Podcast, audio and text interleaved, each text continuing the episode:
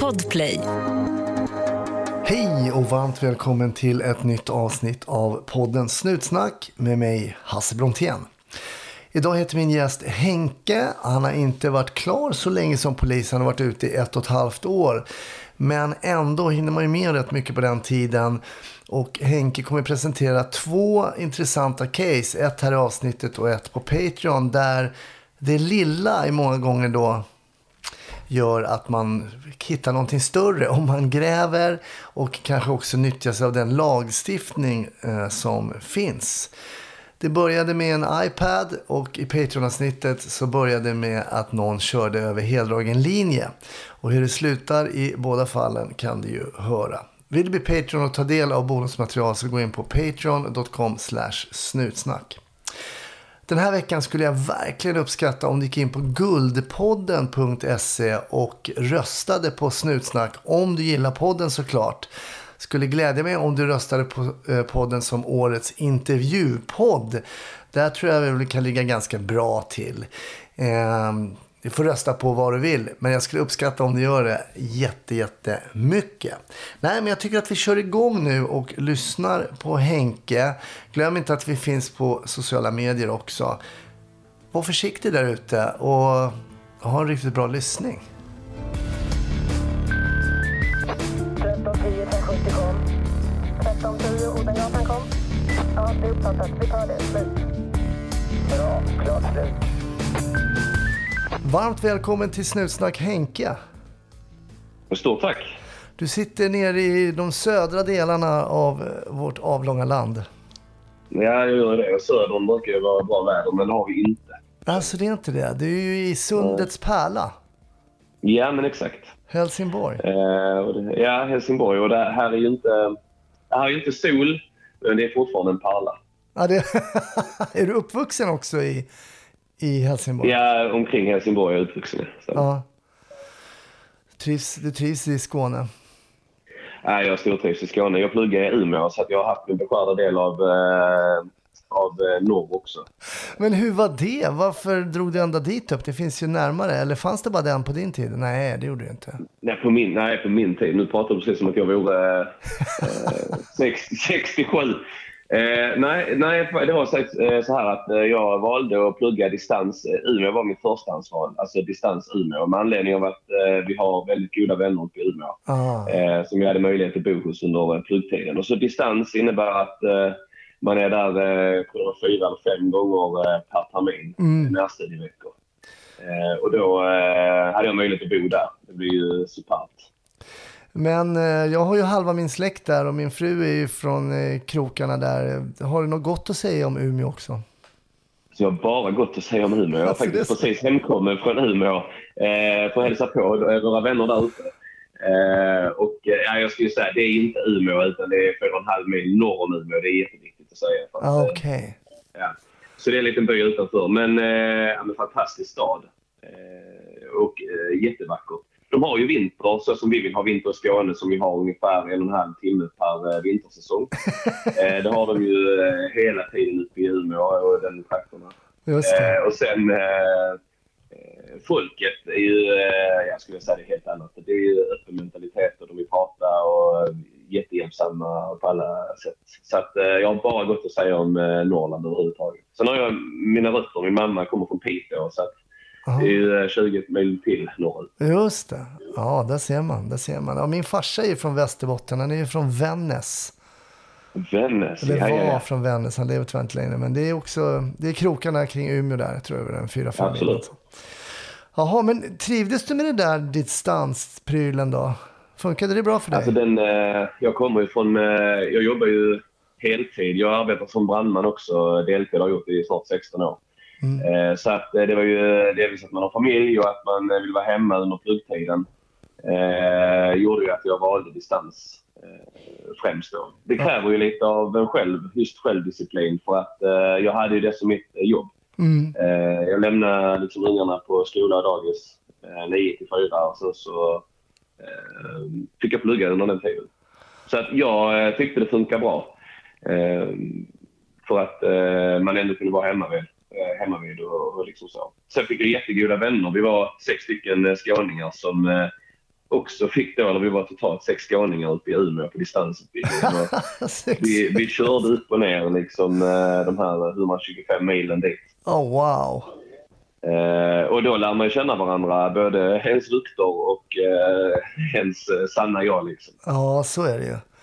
Men du, hatten av där, för jag har alltid full respekt för de som, som du säger, då, lämnar på skola och dagis och sen sätter sig ner med självdisciplinen och pluggar. Det, ja, nej, men all respekt. Jag vet inte om jag hade grejat det faktiskt. Jo, det hade du visst. Tror du det? Men det är saken är, vill man göra någonting så är det ju fan så mycket lättare. Mm. Sen när man är mitt inne i det, det är väl klart att eh, man tänker, eh, ja men eh, är det här ens viktigt liksom att, att kunna? Men Mm. eh, helhetsbilden gör väl att, eh, jo det var vettigt att göra det, men där och då känns det väldigt meningslöst. Jag, jag tänker att mycket som vi har pratat om i podden när det kommer till eh, man, olyckor och lite sådana saker. Det var du, måste du ha varit lite härdad i då eh, som 16-åring och, och som brandman?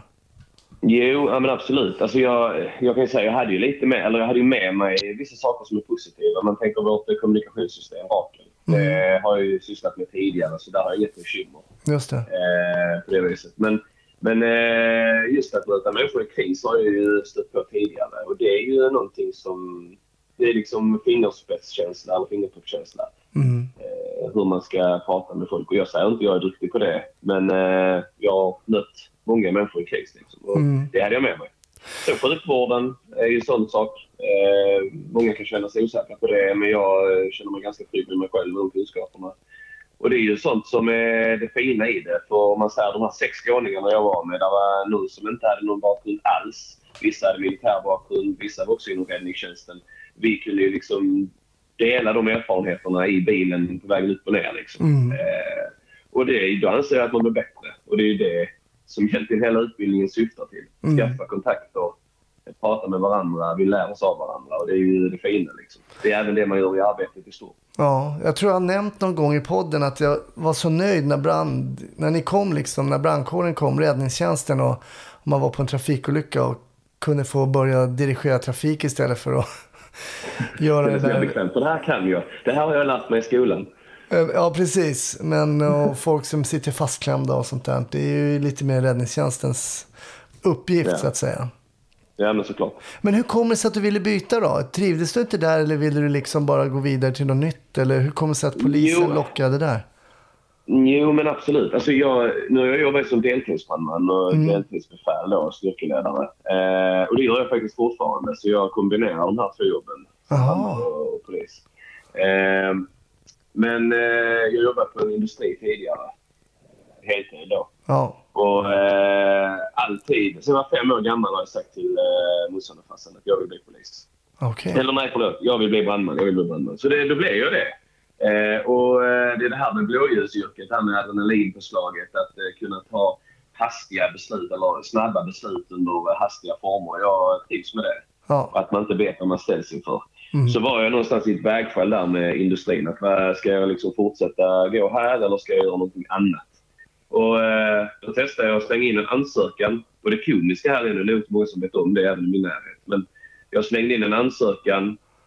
Eh, jag saknar ju eh, historia tror jag från gymnasiet. Aha. Satt och läste ut den på en månad på distans. Eh, och jag fick betyg i den och så var jag då, eh, ja men okej, du är klar för att söka. Så får jag tillbaka från eh, Rekryteringsmyndigheten att eh, nej, där är för många, eller för få platser för många sökande så du kommer inte vidare. Det var ju eh, typiskt. Men då tänkte jag okej, jag har mina jobb som jag har liksom. Mm. Eh, och eh, sen tror jag det tog eh, med två månader. Fick ett nytt brev från Rekryteringsmyndigheten. Jo, men regeringen har släppt till fler platser. Så att eh, du är välkommen på prövning. Ah. Så då åkte jag dit och prövades och sen gick jag hela vägen och nu sitter jag jag är färdig idag. Liksom. Så att, eh, jag, vet, inte- jag ska inte säga att jag tackar regeringen, men, eh, men tack dem som, som släppte till en extra plats. Snart startar vår stora färgfest med fantastiska erbjudanden för dig som ska måla om. Kom in så förverkligar vi ditt projekt på Nordsjö Idé och Design. För nu har du varit klar i typ ett och ett halvt år någonting va? Ett och ett halvt år stämmer. Juni 2020 till examen. Och då har du hängt i Helsingborg hela tiden? Ja, jag gjorde aspiranten från november 19 till juli då, eh, 2020. gjorde jag aspiranten i Lund faktiskt. Mm, Okej. Eh, jättebra stad att göra aspiranten i. Lite mindre, men eh, ändå både stadsproblematik och landsbygdsproblematik. Mm. Eh, jätteintressant. Jättebra. Både handledaren var fantastisk, hoppas han hör detta. Jag får inte säga hans namn.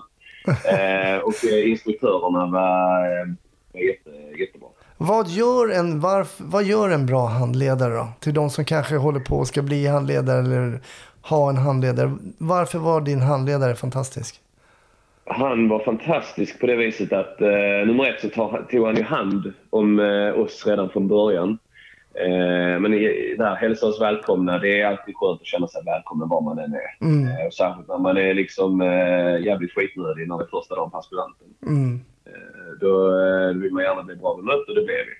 Men sen eh, lyssnade han. Eh, hade jag, ställde jag frågor så fick jag bra svar. Han ville jättegärna utbilda men han ville inte pracka på för mycket kunskap utan när vi var mogna för det så det kom successivt. Mm. Eh, och sen eh, superlyhörd och han är jättekunnig. Eh, Mm. Så att eh, liksom, ja, det kan ju vara att jag han klickar jättebra. Eh, men eh, han var eh, en jättestöttepelare liksom för eh, och även en, en, en målbild över, ja okej, hur vill jag bli när jag är färdig? Eh, och hur vill jag, min approach vara? Hur ska jag prata med de människorna vi möter? Eh, så att liksom satt upp ett mål utan att för den delen vara mer än alla andra. Ja, Utan, men så här är jag. jag han var jättetrygg i den han var eh, i sin yrkesroll. Och jag menar, jag är ett och ett halvt år in i tjänst och jag, jag är lusor därifrån. Eh, Mm. för att, eh, det tar tid, liksom, tror jag, att hitta sitt eget, eh, hur man är Mm. eh, som polis. Ja, Eh, Hitta sitt ID. absolut. Det, det tror jag att det måste sätta sig. Det måste, det måste rulla in liksom några vågor där eh, tills man har jämnats ut. Och, och känt, för man är ju, alltså polis-Hasse då, när jag jobbade som polis var ju en del av mig liksom. Som inte var exakt som den som jag var hemma så att säga. Det är klart att det blir ju en, en, en yrkesroll som, det tar en, för mig tog det också, det tog tid att, att lära sig liksom. Ja.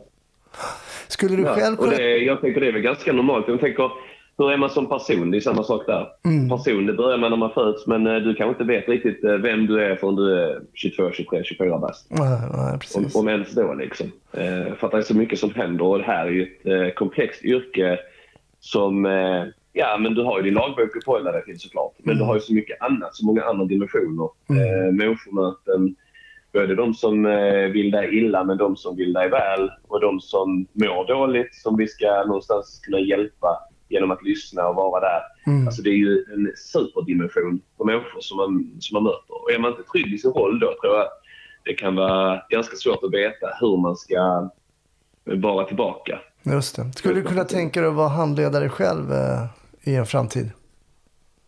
Ja, i en framtid. Men eh, som sagt, jag vill absolut. Eh, och det är ju eh, till viss mån eh, för min handledares förtjänst då att eh, han skötte det så bra. Eh, men det är ju, jag ska, då ska jag ju någonstans känna mig mogen själv. Jag ska ju jag ska kunna vara den här personen. Jag ska kunna tycka själv att men jag har grejer att ge. Jag kan hjälpa någon på traven. Mm.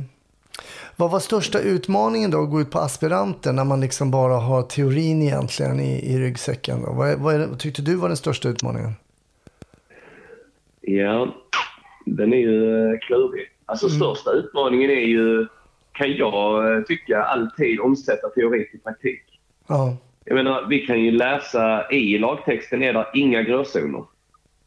Där är, det finns liksom inte. Men du kan åka på fem misshandlar där varje misshandel är olika beroende på omständigheter. mm. Eh, och eh, sen, eh, jag har aldrig, tycker jag själv, haft problem att snacka med folk. Liksom. Jag kan prata med de flesta människorna. Eh, så där mötte jag väl inget hinder, men det var just att okej, det är så här vi kan nyttja lagboken. Vi gör den till, inte till vår fördel, men däremot till att om vi ser det på detta viset så kommer det ändå landa i en anmälan. Det kommer att landa i olika tvångsmedel. Mm. Eh, för att vi, vi, vi ser eh, lagtexter utifrån eh, intentionerna snarare än vad det står i den stora blå boken. Liksom. Just det. Just det. Eh, och sen, eh, sen var det ju alltid eh, så, ja, men vi, vi träffas, eller som aspiranter är det ju oftast ett stort gäng eller ett större gäng som börjar samtidigt. Det var ju också en utmaning. Ja. Alla vi låg ju på men samma nivå på skolan. Hej, ni har klarat aspirant, eller har klarat eh, utbildning, ni ska ut på aspirant och praktisera. Eh, och sen möts vi där ute och där är det samma sak. Att där har vi olika bakgrunder, olika mognader, olika ålder. Mm. Eh, och eh, vi ska någonstans kunna jobba tillsammans bra och hitta oss själva Mm. Eh, samtidigt. Så att eh, utmaningen var väl, ja, det är långt svar. Eh, men att omsätta teori på praktik, det tänker jag mig, det är det många som tänker likadant.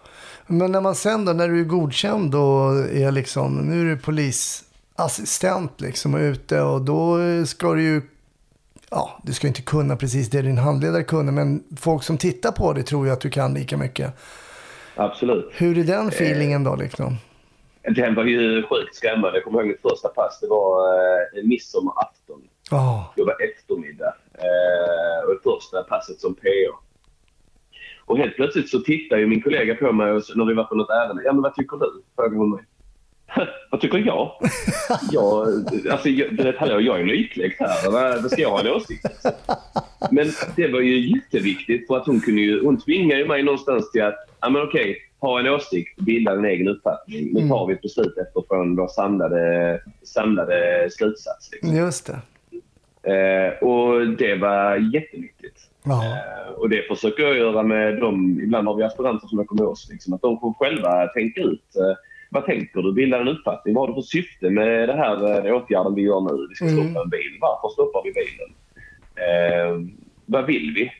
Eh, vad vill vi kolla? Vad bör vi ställa för frågor? Mm. Och kanske det blir en skälig misstanke eller anledning att anta som den här misstänkepappan. mm, just det. Så att... Eh, ja, men det, var, det var vettigt, men det var jävligt skrämmande. Ja, det är intressant. Jo, men så tror jag det har varit för de, de flesta tror jag var ute.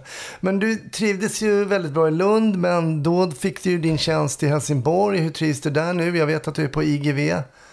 Ja, det stämmer. Eh, men jag trivs ju eh, superbra. Alltså, jag vet inte, man kan inte betona detta mer.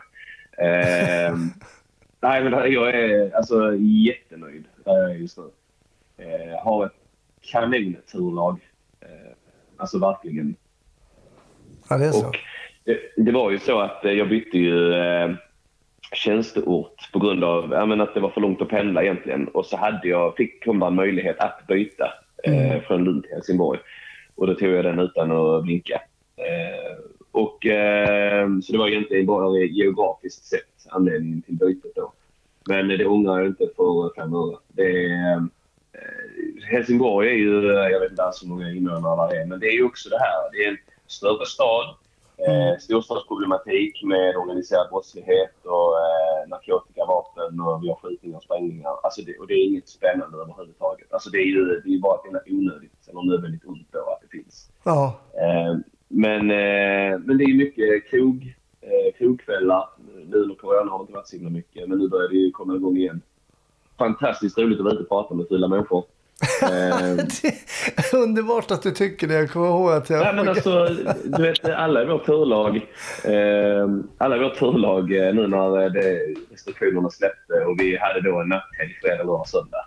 Alltså vi tyckte det var svinballt. Vi tyckte det var jätteroligt att vara ute och liksom, vi, behöv, vi kunde prata med människor utan att behöva stoppa en bil för att få en diskussion. Utan nu helt plötsligt fick man träffa varandra igen. Ja, Eh, och eh, jag menar, eh, berusade människor är ju, eh, ja men de är på sitt sätt ja, det kan man och- säga. eh, väldigt frispråkiga mångt och mycket. Men liksom just ordningshållning vid krog är ju kul. Mm, du tycker det, ja. Ja, jag, jag, tycker, jag tycker det är kul. Men så samtidigt, alla andra ärenden är ju roliga också. Eh, eh, men sen jag tror, jag läste någonstans, eller jag har hört det någonstans, att Helsingborg är ett av de krogtätaste ställena. Oklart om det är geografiskt eller om det är per capita. Men där är jättemånga krogar eh, och eh, klubbar och pubbar liksom, i Helsingborg. Ja, ja det är en trevlig stad. Det- Jag gillar, jag gillar Helsingborg. Det är klart du ska. Alltså, du kan inte säga något dumt om Helsingborg nu. Nej, det ska jag inte göra. Jag kommer faktiskt inte på något heller. Nej, där ser du. Ja, precis. Ja, men fasen vad roligt. Du trivs i ditt turlag och du trivs att jobba med fulla människor. Det här är, låter ju helt perfekt. Ja, nu behöver inte det bli min, eh, någonting som ska stå på min gravsten. Trivdes jobba med fulla människor. Nej, men jag Men, fattar. Men det är eh, en positiv men, syn eh, på jobbet. Och för ibland kan ju folk som är berusade ha en tendens att vara lite jobbig också. Men kan du känna så någon gång? Ja, men absolut. Alltså, de är ju, alltså, till viss mån är ju... eh, Men folk och människor är ju på, påträngande. Mm. Eh, men eh, det är ju också en, en sak. Man får diskutera med dem. Alltså, nu, nu är det bra, nu är vi färdiga här. Nu får du gå. Mm. Eller eh, kan du inte det och du är alldeles för berusad, ja men då är du kanske fara för dig själv och du är kanske fara för andra med anledning av att du är väldigt påstridig. Ska vi Mm. göra det mot en polis, då gör du det mot en annan. Då kanske du får följa med oss. Just det. Eh, Så. Mm. Så att, eh, jag menar det är också en avvägning och någonting som man har mognat in i att våga ta beslut. Mm. Och oftast de besluten jag har tagit i massa räddningstjänsten, ja men de är nödvändiga att ta. Mm. Men i polisen så är det också nödvändigt kanske för slutmålet att ja men då är du inte ute och stökar och vi har en misshandelsanmälan här om eh, två timmar. Men eh, det är svårt att kunna se det där och då om man är jättenöjd liksom, och som jag är. Mm. Men det är ändå viktigt att våga ta de besluten. Mm. Eh, Och blir det ett fel beslut så ja, då är det ett fel beslut. Liksom. Det, jag kan inte göra så mycket mer. Men Sant. för det jag hade på handen just nu liksom, så, så var detta det rätta beslutet.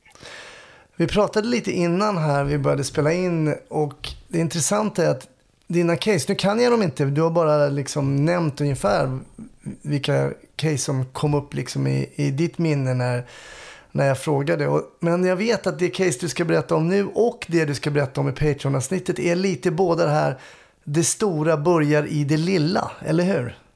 Exakt så. Uh, och det, det, det, det, liksom det stora börjar i det lilla och det är något som uh, ja, men, uh, lite sätter fingret på det här med intresse, engagemang och att man vill driva någonting vidare. Eh, när man väl har nått eh, vägs ände, ja men då kan man acceptera, nu har vi nått vägs ände, vi kan inte göra så mycket mer med detta ärendet. Men, men att eh, vi vill vara nyfikna, vi vill ställa frågor, vi vill liksom gräva djupare för vi märker någonstans att det finns någonting mer att, att hantera. Just det. Du. Kan du berätta om det här? För jag vet att det handlade om, um, det började med en iPad. Ja, men det, just det. Det var, det var faktiskt så här att eh, till saken hör ju att jag, då åkte vi buss, alltså inte piketbuss utan en, eh, en radiobilsbuss. Eh, aktuellt eh, pass. Vi var tre stycken poliser och en aspirant i den här eh, bussen då. Jag och den ena kollegan vi var ju överlyckliga. Vi älskar att åka buss. Men det är kul att åka buss för man är fler. Man kan sitta och surra. och Det är kul. Exakt. Och sen så när man stannar någonstans så kan man öppna dörrarna så ser det ut som att man är jättemånga när man kliver ur. Fast det är inte egentligen. Men ja, det blir ju en helt annan eh, approach. Och vi tycker det är skitkul. Ja, det är bra.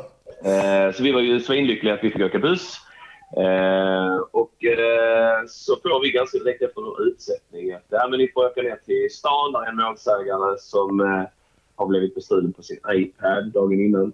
Eh, och nu ser han då via hitta min iPad, hitta min iPhone eller vad det nu är. Att eh, den pingar liksom nere i stan och eh, vår ledningscentral hade liksom krimmat fram att ja men där är ju en elektronikbutik typ. Ah. Och eh, ja, men, ja, vi ska väl säga så att eh, både jag och de andra kollegorna och även aspiranterna, liksom, det här var inte ett supererotiskt ärende för första passet. Liksom, så eh, kom ut och körde buss. Men vi gör det.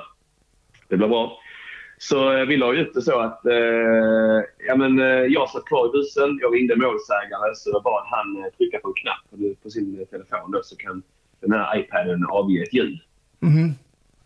Eh, övriga tre kollegor går in eh, i den här butiken och eh, säger till mig via radion jo men han kan pinga det nu.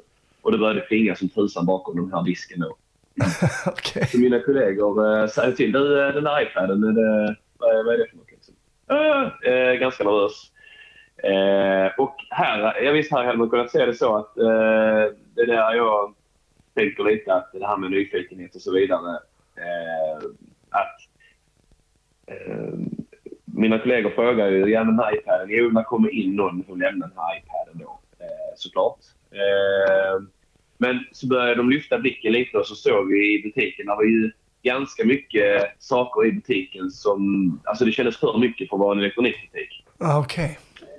Eh, och efter diverse samtal och så vidare så eh, får vi ju, eh, vi misstänker ju han då för eh, ja, häleri. Eh, och eh, vi får en husrannsakan, vi går igenom den här butiken. Eh, och det blir ett gigantiskt arbete. Eh, så att han, han följer med, han blir gripen på plats och sen så eh, fortsätter jag och min kollega som då för övrigt var jätteglad för att vi skulle åka buss. Vi stannar ju kvar i den här butiken eh, och eh, försöker eh, spåra godset. Och vi hittade då diverse olika saker. Vi ringde Apple eh, support och så. Eh, och vi eh, fick ner två utredare för utredningsjouren och kunde spårsöka i godshanteringen, så att säga. De som har blivit bestulna någon gång och så. Mm. Så vi fick några träffar. Och vi fick ju några träffar på de här eh, diverse olika prylarna. Mm. Så vi bara, ja men det här är ju svingött ju. Eh, och sen öppnar vi en, eh, öppnar vi en, eh, en, en dörr till ett förråd. Och där ser vi gigantiskt massa olika, eller samma sorts av eh, skor. Skor? Skor? Skor ja. Jaha. I en elektronikbutik? Precis, ja men du hade samma känsla som vi där. Ja men Ja. det här känns inte som en elektronisk produkt. Ehm, Nej, det Så vi, eh, vi tar ju bilder på det då. Eh, liksom vi, eh, och sen så till syvende och sist så drar vi ut till huset igen. Som vi då fick skjuts med de här utredarna i en vanlig personbil. Så vi fick inte åka någon mer buss. Ah, tråkigt. Tråkigt. Nej, Ja. det är tråkigt. Men eh, i alla fall, det slutar ju med sen så, ja vi skriver vår anmälan och eh, sen är det någonstans på IGV så lämnar man ju ifrån sig en produkt. Mm. Eh, och sen så har vi ju eh, duktiga utredare som tar vid. Eh, och eh, faktiskt häromdagen så eh, blev domen förkunnad i ett som, där det blev förlängt. Mm. Där vår startskottet när vi hittade de här med skor och så vidare. Eh, nordvästra Skåne eller Skåne överlag har jättestora bekymmer med kapellskärningar. Att, eh, ja, men någon skär upp ett kapell på en lastbil, Ah, lastar av eh, liksom gods därifrån och säljer vidare eller vad de nu vill göra med det. Eh, Så det här nystades ju upp så att eh, vårt lilla startskott med den här iPaden gav ju eh, för huvudmannen då eh, två år och eh, två månader. Ah. Han fick även ett skadestånd på 1,95 miljoner. Det är ju rätt så schysst. Hur mycket gods kunde då- ni härleda då? Vi, jag har ju inte varit delaktig i det. Nej, men eh, okej, men eh, utredarna, så att säga. ett, eh, en sammanlagd summa för de här stölderna ju 16 miljoner. Oh, wow. Så att det är ju ett ganska bra ärende. Mm, verkligen. Det börjar ju ganska smått. Sen så växte det till gigantiska volymer. Det där, det påminner mig om också när jag jobbade på um, Gatlänsgruppen och det som också kom senare att kallas för Rave-kommissionen. De, vissa hånade oss lite och kallade oss för Kiss-kommandot. För vi tog in folk då liksom för urinprov. Men de där urinproven då i sig gav ju inga straff. Så, men när man pratar med folk så får man ju reda på saker. Och vi hade ju inte sällan betydligt större ärenden om man räknar liksom till vikt och sånt där. Ibland en, vi hade större ärenden än narkotikaroten liksom. Men då var vi bara några unga gossar och töser som sprang runt på stadens gator och, och, och snackade med folk. Och det är ju ett väldigt bra trick om man vill ha information. Absolut. Och det är, och det, alltså jag är ju jag är helt enig med dig. För det, okay, det jag kan läsa mellan raderna vad du säger det är att ung, nyfiken, engagerad, ville. Mm. Eh, alltså viljan fanns där. Och sen kommunikativ. Ja, Du vinner ju jättemycket på det. mm. Verkligen. att, eh, och det är väl som du säger, att eh, pissa av någon, alltså lämna urinprov för att eh, eh, kolla narkotikapåverkan. Eh, ja men det är ju sin sak och det kan ju vara påträngande, påträngande det också. Men gör man det på ett bra vis så får man ganska mycket info. Eh, som man kan bygga vidare andra case på. Så att, ja, det är kul. Ja. Nej, men och, och den här nyfikenheten att inte bara stanna. För det hade väl varit lätt kanske att stanna där och säga så här, ja, här har du tillbaka din iPad, vi har upprättat en anmälan om eh, häleri, alternativ stöld eller något sånt där och så är det slut. Men de här dojorna då? Jag blir lite nyfiken på de här skorna. Vad, kom de från någon sån här kapellskärning eller vad, vad kunde man härleda? Ja, jag tror att de gjorde det faktiskt. Eh, Jag kan inte svara på det helt helt eh, sanningsenligt. Eh, jag har bara läst vad det stod i tidningen och jag har inte läst domen själv. Men Nej. eh, jag tror det var fem, 560 par kanske. Ja. Det var inte Eh. för eget bruk bara då kanske? Nej, men alltså jag vet ju inte hur många steg han har på en dag. Eh, det kan ju inte jag definiera. Va? Men eh, mig veterligen så sliter man inte sulor på det viset. Nej, det är starkt jobbat i sådana fall alltså. Ja. Ja, men intressant. Roligt ärende. Och det är också, kan jag tänka mig, lite till- tillfredsställande att få den där lilla extra, extra grejen. Ja, absolut. Och det jag, alltså, eh, jag läste ju eh, det som stod i tidningen eh, och skickade till mina kollegor då. Och då står det så här, en stulen iPad som kunde spåras till en liten butik i Helsingborg blev den tråd som polisen började dra i och så slutade med en omfattande utredning och stölder av 16 miljoner kronor. Det är rätt schysst. Det är bra ju. Och det är ju liksom... Eh, och jag, jag tror väl samtliga, alltså, samtliga mina kollegor har gjort likadant. Men det känns gött att vara en del i det ändå. Att eh, någonstans en person har... Eh, en person av de här många har slutat begå stölder just nu. Och det är rätt schysst. Just det. Mm. Och också att man får reda på att hitta min iPhone, att det funkar. Precis. Precis. Och jag tror till och med nu, eh, om man nu ska eh, höja iPhone lite, det kan man göra. Men eh, den funkar även i avstängt läge nu efter den nya uppdateringen. Och det är ju bra för folk att veta. Ah. Så uppdaterar man till det här nya iOS, ja, nu är det 15, Mm. eh, så funkar den även i avstängt läge. Så det är ju vettigt. Ett tips till alla, sätt på den här funktionen, hitta min iPhone, så eh, har man Ah, möjlighet att fungera den. Ja, det är bra, det är bra. Men okej, nu är du är ju hyfsat ung i tjänst och sådär. Hur ser målbilden ut för dig den närmsta tiden? Är det kvar att kriga på IGV här nu eller? Ja, men det tycker jag väl. Eh, I alla fall alltså närmsta tiden, absolut. Jag eh, stortrivs ju på IGV på det viset att eh, delvis att den bredden man får. Mm. Man är med om så många ärenden, allt ifrån eh, ja, men det hemskaste mord, skjutningar och sprängningar och så vidare. Men fram till, alltså, tills, till ringa stöld eh, eller ett, eh, liksom ett fast föremål på E4. Mm. Alltså den här bredden och den här kompetensen man tväng, tvingar sig själv att förkovra sig och kunna hitta och kunna plocka fram vid rätt tillfälle. Jag tycker det är en jätteutmaning. Mm.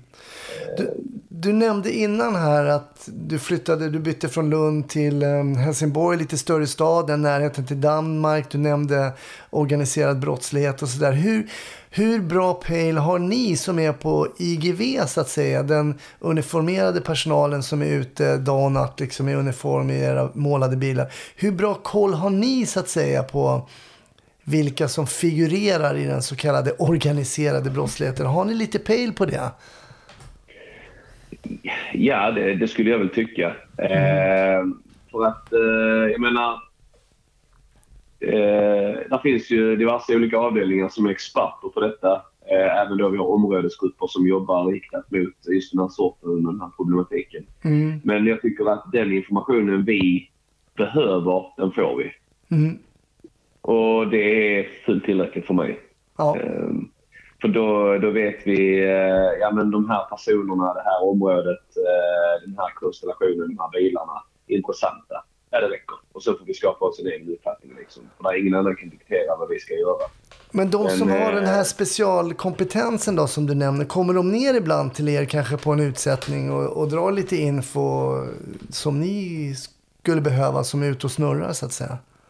Ja, absolut. Eller eh, man får det i, liksom i eh, powerpoint-format eller så här. Eh, med eh, lättsmält för oss yttre personal. Ja. Eh, men eh, jo, men absolut. Och, alltså, bara för att vi jobbar eh, uniformerat och ute och vi har kollegor som jobbar eh, mer civilt och eh, så här, eh, inriktat mer mot grov organiserad brottslighet så har vi ändå samma mål allihopa. Mm. Det innebär att ja, men vi, då vi tar hjälp av dem, de tar hjälp av oss. Eh, har jag någon information som jag tror kan vara viktig för dem så delger jag det till dem. Eh, och likadant tvärtom. Eh, så att eh, alltså vi... Där är inga, alltså där är inga gränser liksom att ja, men nu har jag stängt min dörr, nu får inte du komma in och berätta någonting. Utan det där är ju, vi måste kunna jobba mot samma mål och det är ju att vi ska minska eh, den organiserade brottsligheten. Mm. Och det, då måste vi jobba tillsammans. Och det tycker jag att vi gör eh, i stor utsträckning faktiskt. Ja, men för jag tänker det är ju intressant med de här kopplingarna mellan folk som färdas i olika fordon och att man kan se liksom länkar mellan olika konstellationer och grupper och sånt där. Men det har ni säkert eh, någon annan bra teknik för i dagsläget. Ja, det är 2021. Okej, så kvar på IGV och sen då om man tittar längre Ja, bort men då? eh, sen... Nej, men sen är alltså, jag, är ju, jag är intresserad av eh, att jobba mot eh, alltså, organiserad brottslighet. Eh, Mm. Och där, där finns ju olika grupper för det. Eh, hur man vill jobba, hur man kan jobba. Mm. Så det hade jag absolut. Men däremot så vill jag ha, ja, men jag vill hitta mig själv i den här polisiära idet som jag har snackat om. Eh, vem är jag liksom och så. Eh, men också eh, höra snacket liksom, på äldre kollegor som är jätteduktiga att prata med Mm. alla människor. Ja, men jag vill eh, suga upp mig så mycket erfarenhet där som möjligt. Eh, jag vill ha den här bredden eh, som är IGV och sen är det ju öppet. Så får man se vart eh, det leder. För i det här jobbet så finns det ju jag vet, 185 andra jobb. Ja, nej, det är När man har en otroligt. Det är polisutbildning. Liksom. Så att eh, jag stänger inga dörrar. Eh, så. Och det man har hört... polis eh, säger nej. Liksom. Nej, det blir inte det. Nej, okej. Nej, det kan jag säga. Så 184 jobb kvar. Ja. Men det man har hört också i, i podden här också rent historiskt är att det, dels är det rätt mycket bananskal. Folk halkar in på prylar som de inte trodde. Bara, jag trodde aldrig jag skulle bli tekniker och så sitter de där och, och penslar. Eller, eller någonting annat. Jag trodde aldrig jag skulle intressera mig så plötsligt ble- blev jag hundförare. Liksom. Det, det har ju blivit lite så, det har man ju märkt. Ja, alltså, och det, jag tänker väl det är väl tjusning med det också att det behöver inte vara tråkigt att jobba utan där finns andra tjänster att söka eh, som är samma grundförutsättningar med den utbildning man har men däremot en helt annan inriktning. Ja, Eh, där var ju någon eh, eh, som eh, sökte helikopterpilot, alltså bisittare till helikoptern. mm. Eh, det var jättemånga som sökte men den här personen fick det. Eh, och jag menar, det är ju svinkul. ja. Det vet ju nog du själv. Jag vet inte hur mycket helikopter ni hade på, på, eh, på din tid. Eh, men eh, jag menar, när man hör i, i radion att helikoptern går in, då vet man nu är vi safe. Ingen kommer undan. ja. Jag menar, alltså... Jag har aldrig de- jobbat med helikopter någon gång. Aldrig haft något case med Du har helikopter. inte det? Okej. Nej, Ja, det är, de är fantastiskt duktiga. ja de är det.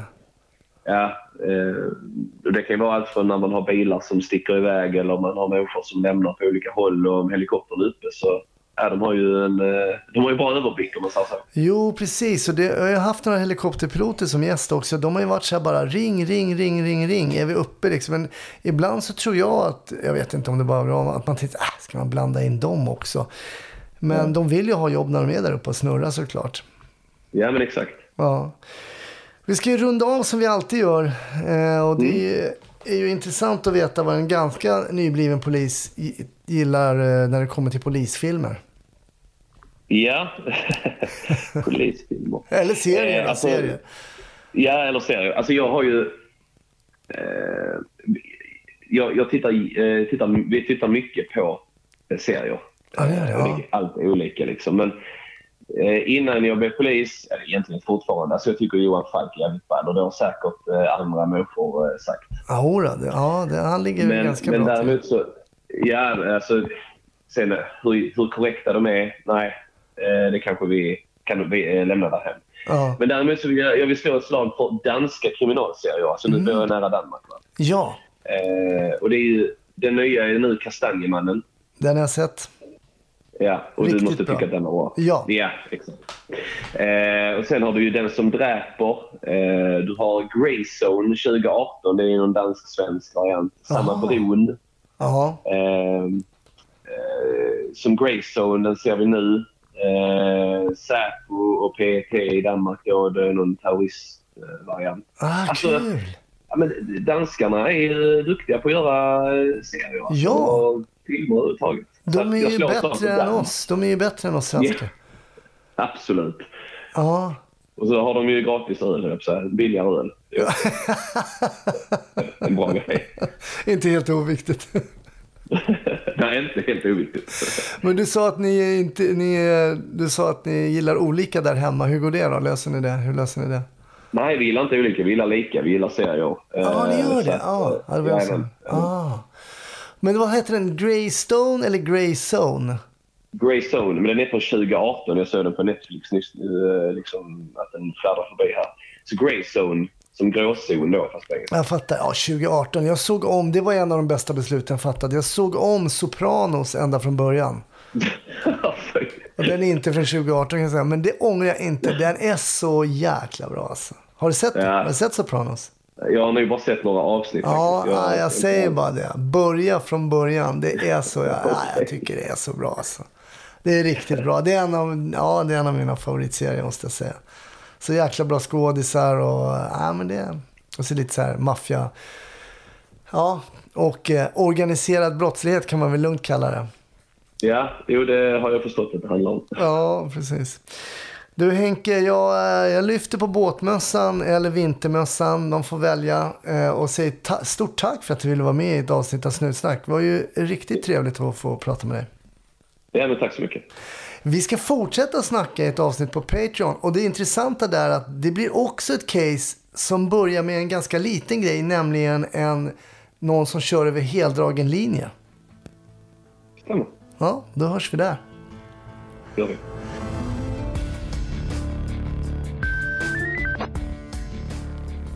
Stort tack. Eh, podden är över för den här veckan, men vi är givetvis tillbaka om en vecka. Vill du ta del av bonusmaterial så gör du det på patreon.com snutsnack.